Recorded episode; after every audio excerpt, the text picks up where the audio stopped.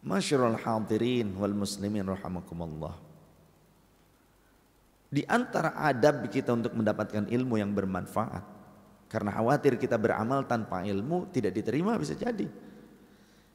Di antaranya adalah ta'zim kepada ahlul ilmi.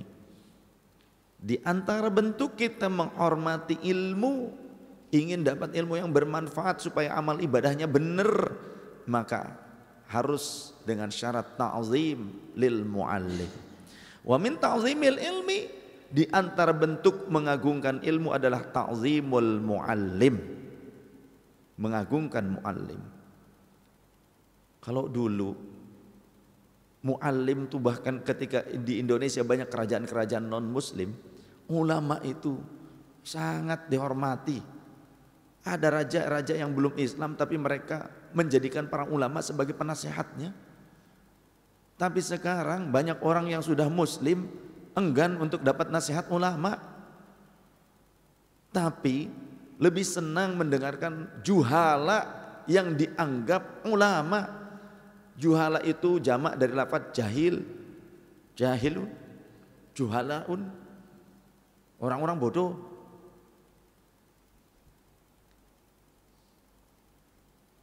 Sedangkan itu dalam bab agama bukan mencari kepada sumbernya yang tepat. Malah kepada yang enggak jelas sumber ilmunya. Qala Aliun karamallahu wajhah. Bagaimana sikap kita selaku murid? Kata Al-Imam Ali, Sayyiduna Ali karamallahu wajhah. Radhiyallahu anhu. Ana abdu man 'allamani harfan wahidan in syaa ba'a wa in syaa a'taqa wa in syaa istaraqqa. Aku adalah hamba sahayanya bagi seorang guru yang mengajariku satu huruf saja. Berupa ilmu yang bermanfaat. Satu huruf pun yang mengajariku ilmu yang bermanfaat. Maka aku siap menjadi budak beliannya. Siap menjadi hamba sahayanya. Insya Allah jika dia mampu atau mau menjualku silahkan aku rela dijual belikan olehnya. Oleh guruku Wa insya'a a'taqu jika guruku mau membebaskanku, aku bisa saja dibebaskan. Wa insya'a istaraqqa jika guruku mau untuk mempekerjakanku supaya melakukan sesuatu yang dibutuhkannya, aku pun siap melakukan apa yang diperintahkan guruku. Ini Sayyiduna Ali pantas Sayyiduna Ali dikatakan oleh Rasul, anak Madinatul ilmi wa ali yubabuha. Aku adalah gudangnya ilmu, kotaknya ilmu dan Ali adalah gerbangnya ilmu. Karena takzimnya seperti itu. Kalau kita ngecek sama guru, boro-boro dapat ilmu manfaat yang dapat akhirnya ilmu yang mafsadat yang akan menyesatkan. Jangan bilang ini hal yang sepele. Kita khawatir tadi yakhrujuna minad dunya bighairi imani, matinya tanpa membawa iman walaupun katanya Islam.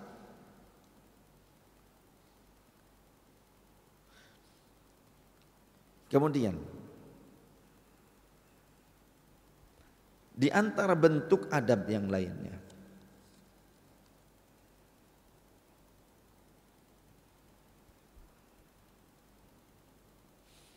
Wa min tawqiril muallimi alla yamshi amamahu di antara bentuk menghormati ahli ilmu adalah tidak mendahuluinya berjalan di depannya kecuali memang ditugaskan ngawal di depan atau gimana ya tidak masalah ya.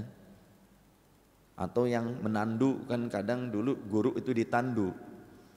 Yang menandu kan nggak di belakang semua masa gurunya di depan yang nandu di belakang jomplang gejerot meren karep ya nggak jomplang meren gitu mah. Ya ada yang di depan berarti kan yang menandu. Ya berarti murid ada di depan guru tapi posisinya memang posisi tetap memuliakan bukan untuk gumede terhadap guru Wala yajlis makanahu tidak menduduki tempat duduk khusus guru. Wala yabtadi al kalama indahu illa bi'ni. Tidak ngoceh terus menerus mendahului guru kecuali dengan izinnya. Wala yukthirul kalama indahu tidak terlalu banyak bicara di dekatnya. Ya. Wa yura'iyal wakta dan menjaga waktu. Bukan guru yang nunggu murid, harusnya murid yang nunggu guru. Tapi akhir zaman berbeda, kebalik ini sudah akhir zaman. Lah Rasulullah ketika hidup saja Rasul berkata ini sudah akhir zaman. Kelahiranku adalah salah satu pintu gerbang menuju kia, kiamat. Apalagi sekarang sudah 1400 tahun lebih. Dulu saya waktu ngaji entah di madrasah, entah di sekolah, entah saya di pesantren, sebelum guru datang, sebelum guru keluar ke tempat ngaji, kami itu berburu tempat. Bahkan biasanya tempatnya kalau di tempat yang tetap, tempatnya juga tetap. Kita ngaji tempatnya tetap di mana gitu. Enggak berpindah-pindah, yang lain juga sama, punya tempat masing-masing. Kita lebih dulu datang sebelum gurunya datang. Bukan ini mah ah tar dulu aja. Kalau udah separuh jalan gitu. Boro-boro dapat ilmu yang manfaat dan ini urusannya agama. Sedangkan dunia saja kita harus punya ilmu. Kita mau jadi pejabat harus training dulu, harus punya ilmunya, sekolah dulu. Kita harus punya jabatan di pabrik, di, perusahaan juga harus punya ilmunya, harus sarjana, ini lain sebagainya. Betul tidak? Training-training dilakukan. Kenapa urusan agama tak perlu ilmunya? Nanti jadi sesat kan repot. Bisa menyesatkan orang lain.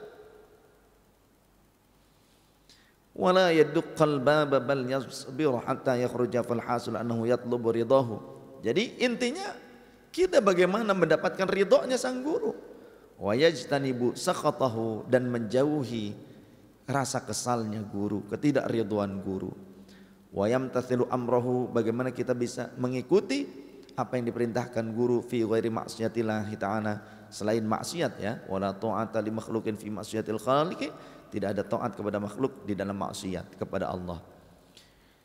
Wa min tauqiri di antara mengagungkan dan memuliakan guru tauqiru auladihi yaitu memuliakan anak-anaknya apalagi juga orang tuanya.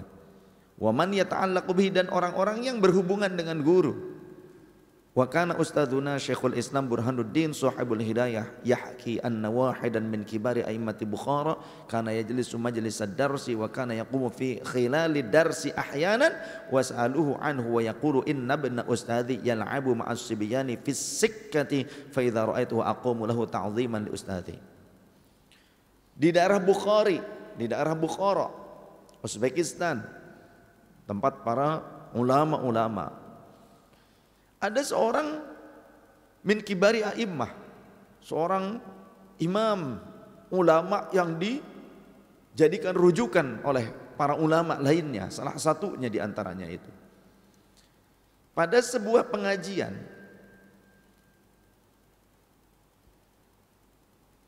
tiba-tiba sang guru ketika duduk berdiri sambil seolah-olah menghormat Seorang ulama besar ketika duduk mengajar tiba-tiba berdiri, berdiri sambil seperti begitu takzim. Ya. Seolah-olah punya rasa malu, memuliakan begitu karena memuliakan. Ditanya lah wasalu jamaahnya nanya anhu kepada beliau. Kenapa kok Tuhan berdiri sedemikiannya tiba-tiba? Ada apa wahai guruku ya Syekh ya Imam? Beliau menjawab, Inna ustadhi yal'abu ma'asibyani fis sikkati. Sesungguhnya putra dari guruku sedang bercanda di halaman depan dengan anak-anak yang lainnya. Masya Allah. Anak gurunya yang masih kecil terlihat bercanda di depan kelihatan oleh sang imam, sang ulama, sang syekh. Beliau berdiri. Fa'idha ra'aituhu aqumu lahu ta'ziman li ustadhi jika aku melihat ia putra dari guruku, aku akan berdiri karena aku menghormati ayahnya sebagai guruku. Susahlah zaman kiwari mah. Ya. Apalagi zaman medsos. Susah, apalagi kalau ketemu dengan Wahabi pasti disalah-salahkan, disyirik-syirikan sama Wahabi mah pasti Wulu berlebihan kata orang Wahabi mah. Baca kitab ya kagak bisa. Wal qadi al imam Fakhruddin al Arsabandi kana raisul a'immah bi Marwa. Qadi itu hakim agama, mufti negara Islam. Qadi diangkat resmi oleh raja muslim. Ada yang namanya Al Imam Fakhruddin Al Arsabandi Karena Roisul A'immah di Marwa. Beliau adalah pimpinan dari para ulama di Marwa. Kurang lebih kalau di kita mah kayak Ma'ruf Amin, pimpinan MUI, contoh begitu ya. Pimpinan para ulama di wilayah Marwa. Wa kana sultan yahtarimuhu ghayatal ihtiram. Bahkan sultan itu sangat menghormati beliau. Sangat menghormati beliau. Tapi kalau di Indonesia nggak bakalan, pasti dibully kalau di Indonesia. Ya, cuma di Indonesia. Sekelas kodi pun dibully, dicaci maki. Cuma di Indonesia, yang caci makinya orang bodoh. Ini raja menghormati beliau. Karena yaqulu dan beliau berkata, "Innama wajadtu hadzal mansiba bihurmatil ustadzi." Sesungguhnya kedudukan yang kudapatkan saat ini karena wasilah aku sangat takzim kepada guruku. Karena aku sangat takzim kepada guruku.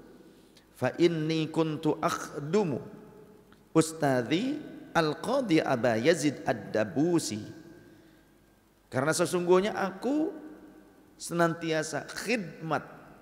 Aku senantiasa melayani guruku. Dulu ketika aku mengaji, sampai saat ini pun kalau aku berjumpa dengan guru, aku selalu melayani guruku yang bernama Al-Qadi Aba Yazid Ad-Dabusi. Ketika guruku masih hidup, aku menjadi pelayannya. Wa kuntu akhdumuhu wa atbakhu tu'amahu wa la akulu minhu. Dan aku memasakkan makanan untuk beliau tanpa aku berani memakannya kecuali setelah beliau selesai dan beliau yang memintanya atau mengizinkannya. Kalau tidak aku nggak berani memakan makanan guruku tanpa izin beliau. Guru belum makan sudah dimakan duluan, ya repot kan? Kecuali yang dikira-kira nanti sisanya khawatir terbuang dan memang sudah tidak akan dikonsumsi lagi, ya itu tidak masalah. Wa Syekhul Imamu Al-Ajal Syamsul A'immah Al-Hulwani. Syekhul Imam Al-Ajal Syamsul Al-Immah Al-Ulwani, Syekh Al-Ulwani, Hulwani, Syekh Al-Hulwani qad kana kharaja min Bukhara Beliau itu keluar dari Bukhara. Ini ulama besar. Beliau keluar dari wilayah Bukhara wasakana fi ba'dil qura ayyaman bihadithatin waqa'at lahu. Jadi beliau singgah di beberapa kota karena ada beberapa keperluan. Ya. Wa qad zarathu talamidhuhu ghairu syekh Al-Imam Al-Qadhi Abi Bakar Az-Zarnuji. Murid-murid yang tahu bahwa sang guru datang ke kotanya, maka datang berbondong-bondong menemui Al-Imam Al-Ajal Syamsul Aimah Al-Hulwani. Kecuali seorang qadhi mufti di kota itu sendiri bahkan justru tidak datang. Ada yang sudah jadi ulama di kota tersebut jadi kodi di kota tersebut hakim agama lah hakim agung kalau kita tapi malah justru dia yang tidak datang. Yang lain murid-murid yang lain datang dia tidak datang. Yang namanya al qadi al imam Abi Bakar Az-Zarnuji. Padahal ulama. Faqala lahu hina laqiyahu. Suatu ketika ketika sudah bertemu tanyalah sang guru kepada Qadi Abi Bakar Az-Zarnuji, lima lam tazuru tazurni.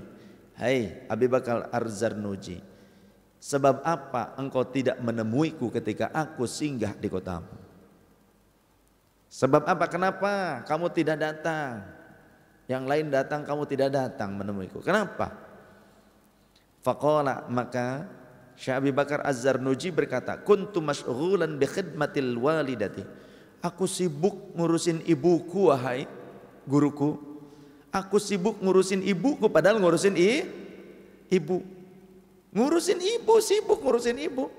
Akhirnya faqala sang imam sang guru berkata, turzaqul amra wala turzaqu rawnaqal darsi.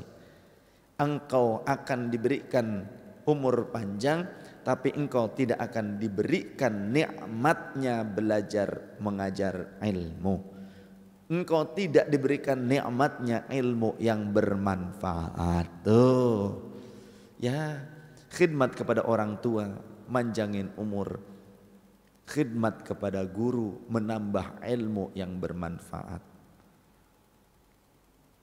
Wa kana dzalika fa innahu kana yaskunu fi aktsari awqatihi fil qura wa lam yantazir lahu darsu dan terbukti ia Abi Bakar Az-Zarnuji hampir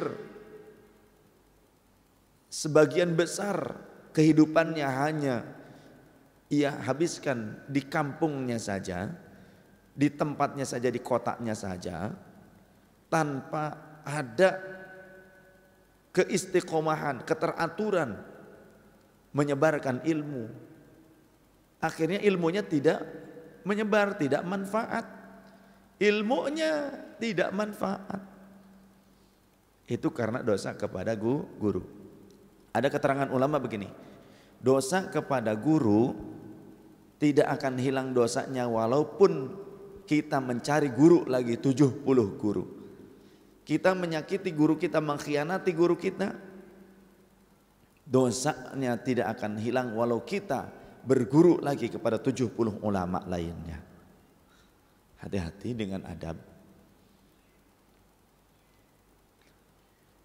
Kemudian bahkan sodakoh kepada orang alim, fukoha. Kata Imam Jalaluddin Asyuti dalam keterangan beliau dalam kitab Al-Hawilil Fatawi juga dikutip di dalam kitab Bughyatul Mustarsyidin. Sodakoh yang paling tinggi nilainya itu kepada orang alim yang mengamalkan ilmunya yang soleh. Sebesar 900 ribu kali lipat. Di bawahnya adalah sodakoh kepada orang tua 700 ribu kali lipat. Apalagi kalau diamalkannya di bulan-bulan yang mulia terutama Ramadan. Selain Ramadan ada empat bulan yang mulia disebut Ashurul Hurum. Dhul Qa'dah, Dhul Hijjah, Muharram, Rojab. Ini masih Rojab apalagi ini sudah Rojab ya. Maka 900 ribu kali lipat itu di hari-hari selain dari bulan yang mulia. Kalau di bulan-bulan yang mulia ini lebih besar lagi pelipat gandaannya. Wallahu yudha'afu liman yasha. Allah melipat gandakan terus menerus dengan hitungan yang tidak bisa diketahui kecuali hanya Allah yang tahu bagi siapa pun yang Allah kehendaki.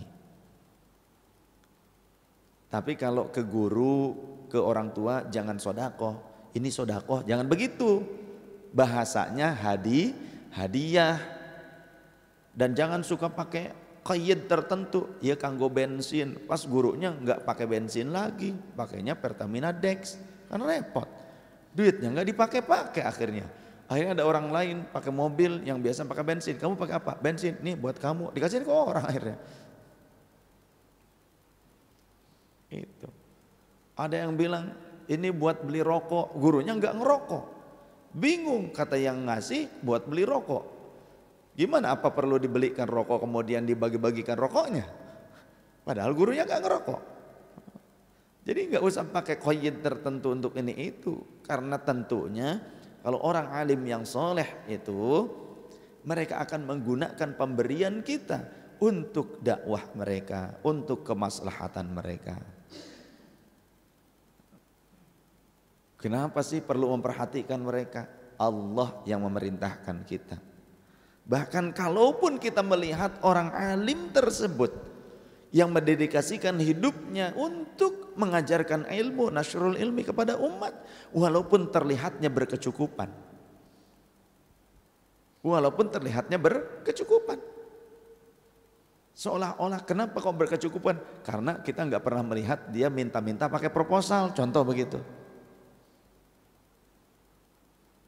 Ada di dalam surah Al-Baqarah. Dan bagi orang-orang berikan infakmu, nafkahmu itu infakmu itu kepada siapa? Kepada orang-orang yang disibukkan untuk berjihad di jalan Allah, berjuang di jalan Allah, yang mereka tidak ada waktu untuk mencari kehidupan dunia. Tidak ada waktu untuk bekerja untuk urusan mencari uang. Ya.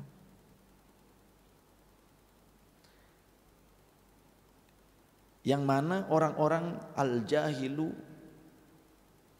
menganggap mereka itu al-aghniya minat ta'afuf. Orang-orang yang bodoh pikirannya, kolbuknya tidak cerdas kolbuknya menganggap orang-orang ini adalah orang-orang kaya. Ya. Menganggap mereka orang-orang yang kaya.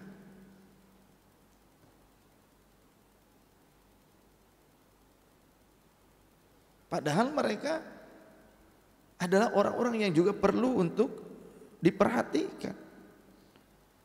Dikarenakan apa mereka dianggap orang kaya? La yas'alunan nasa ilhafa. Mereka tidak meminta-minta kepada manusia dengan memaksa. Tidak membuat orang lain manusia itu menjadi bingung ketika diminta. Karena minta pun ti tidak.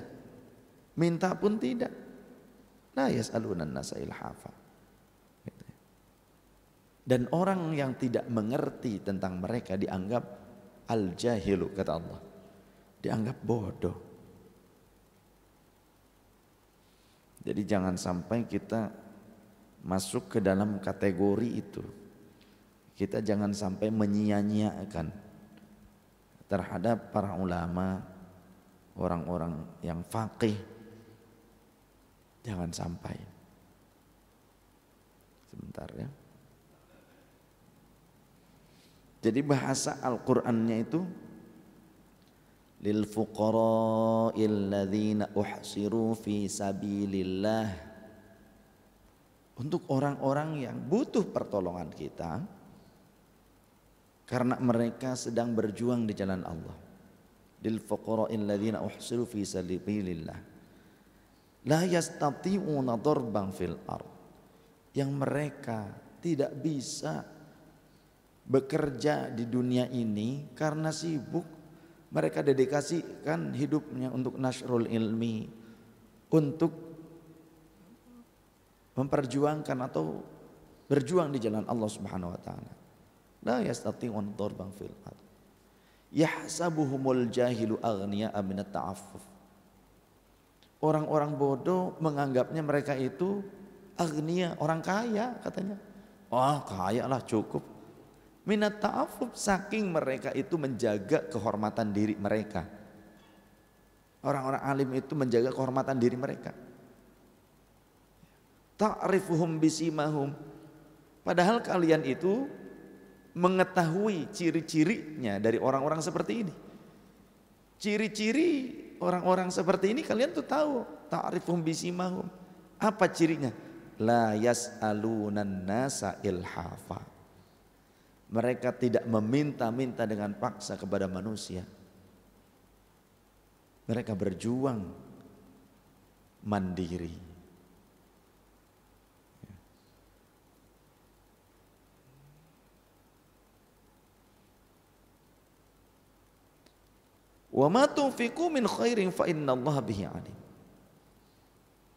Dan apa pun yang kalian berikan untuk mendukung mendukung perjuangan mereka.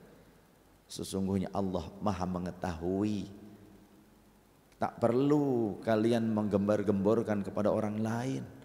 Cukup tolonglah para pejuang tersebut. Orang yang mendedikasikan hidupnya di jalan Allah Allah lebih tahu dan Allah akan membalas itu semua. Yakinlah. Tak perlu kita terlalu gembar-gembor ini itu lain sebagainya. Ikhlas, belajar ikhlas. Jangan belajar ria. Habis nanti amalnya. Sahabat-sahabat yang dirahmati Allah Subhanahu wa taala. Ini adalah motivasi untuk kita umat muslim untuk terus memperdalam agama, memperdalam ilmu supaya amal yang kita amalkan itu sesuai dengan ilmu agama dan bisa diterima oleh Allah Subhanahu wa taala. Dan jangan kita menjadi sombong kepada ulama, Jangan menjauhi ulama, khawatir keberkahan akan dicabut, kemudian kita akan dihadapkan memiliki rujukan-rujukan pimpinan-pimpinan yang ternyata zalim, mufti-mufti yang tidak sesuai, guru-guru yang tidak sesuai dengan aturan-aturan yang sebenarnya. Yang ketiga khawatir mati tanpa membawa iman. Murtad bisa-bisa nanti na'udzubillah, thumma na'udzubillah. Semoga Allah subhanahu wa ta'ala menyabarkan kita dan menyadarkan kita. Terlebih jika orang alim itu adalah ahlu baiti Rasulullah sallallahu alaihi wasallam. Jangan sampai menyakitinya, membencinya. Karena kata Rasulullah sallallahu alaihi wasallam, la yabghuduna ahadun la yahsuduna ahadun illa dhida yaumal qiyamati anil haudi bisyatin min narin Tidaklah seseorang yang menyakiti kami, keluarga kami, kata Rasul. Tidaklah seorang yang iri dengki kepada kami, keluargaku, kata Rasulullah. Illa dhida yaumal qiyamati. Kecuali akan diusir nanti hari kiamat minal haudi dari telaga kautsar bisyatin min narin dengan cambuk api dari neraka.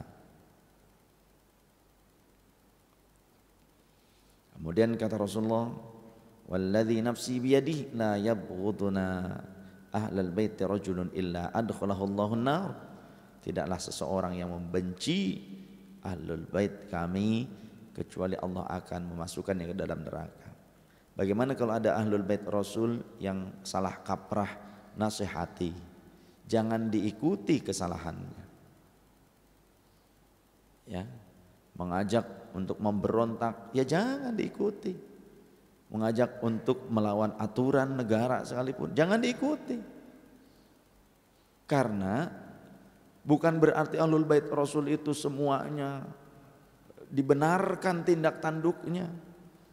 Bahkan di dalam hadis dalam Sunan Ibnu Majah dan Sunan Abi Daud salah satu asap fitnah akhir zaman sebelum munculnya dajjal terang-terangan disebut fitnatus sarro, pertikaian di mana-mana, terjadinya pembunuhan bahkan. Dakhanuha min tahti qadamai rajulin min ahli baiti yaz'umu annahu minni wa laysa minni. Yang asap fitnah tersebut, asap pertikaian tersebut, asap keburukan tersebut ada yang munculnya dari dua telapak kaki seorang laki-laki dari kalangan ahlul baitku, iya ahlul bait Rasul yaz'umu annahu minni. Yang menyangka ia bagian dariku. Menyangka membawa visi misiku. Walaisa minni ternyata tidak. Karena visi misi Rasul adalah bu'ithu li masalihil akhlak. Aku diutus untuk membenahi akhlak. Bu'ithu bil hanifiyati samhah aku diutus dengan membawa agama yang suci bersih dan toleran. Bukan intoleran bukan radikal Ajaran Rasulullah tidak radikal, ajaran Rasulullah tidak intoler, tidak tidak intoleran, tapi toleran. Ya, walaupun ahlul bait Rasul, tapi ternyata tidak membawa visi misi Rasul, ya tidak berarti diaku sebagai bagian dari kekasihnya Rasul. Karena kata Rasul, Inna awliya al mutakun. Akhir hadisnya. Karena sesungguhnya kekasih-kekasihku hanyalah orang-orang yang benar-benar bertakwa. Ketika ada Ahlul Bait Rasul membawa asap pertikaian, membawa fitnah, ya jangan diturut. Makanya ngaji dengan yang punya sanad ilmu yang benar, yang mengamalkan ilmu. Ya. Jadi sebelum kita pada tahap penggalian ilmu, adabnya harus diperhatikan. Tanpa adab, ilmu tidak akan kita dapatkan yang bermanfaat. Bisa jadi ilmunya akan menjadi mafsadat yang menghantarkan orang tersebut menjadi dolun mudillun, menjadi sesat dan menyesatkan orang lain. Bedakan ya antara ulama dengan ngulama, antara ustad dengan ngustad. Bedakan. Jadi yuk kita terus ngaji. Ya, ini motivasi, ini motivasi. Bukan apa-apa, ini motivasi.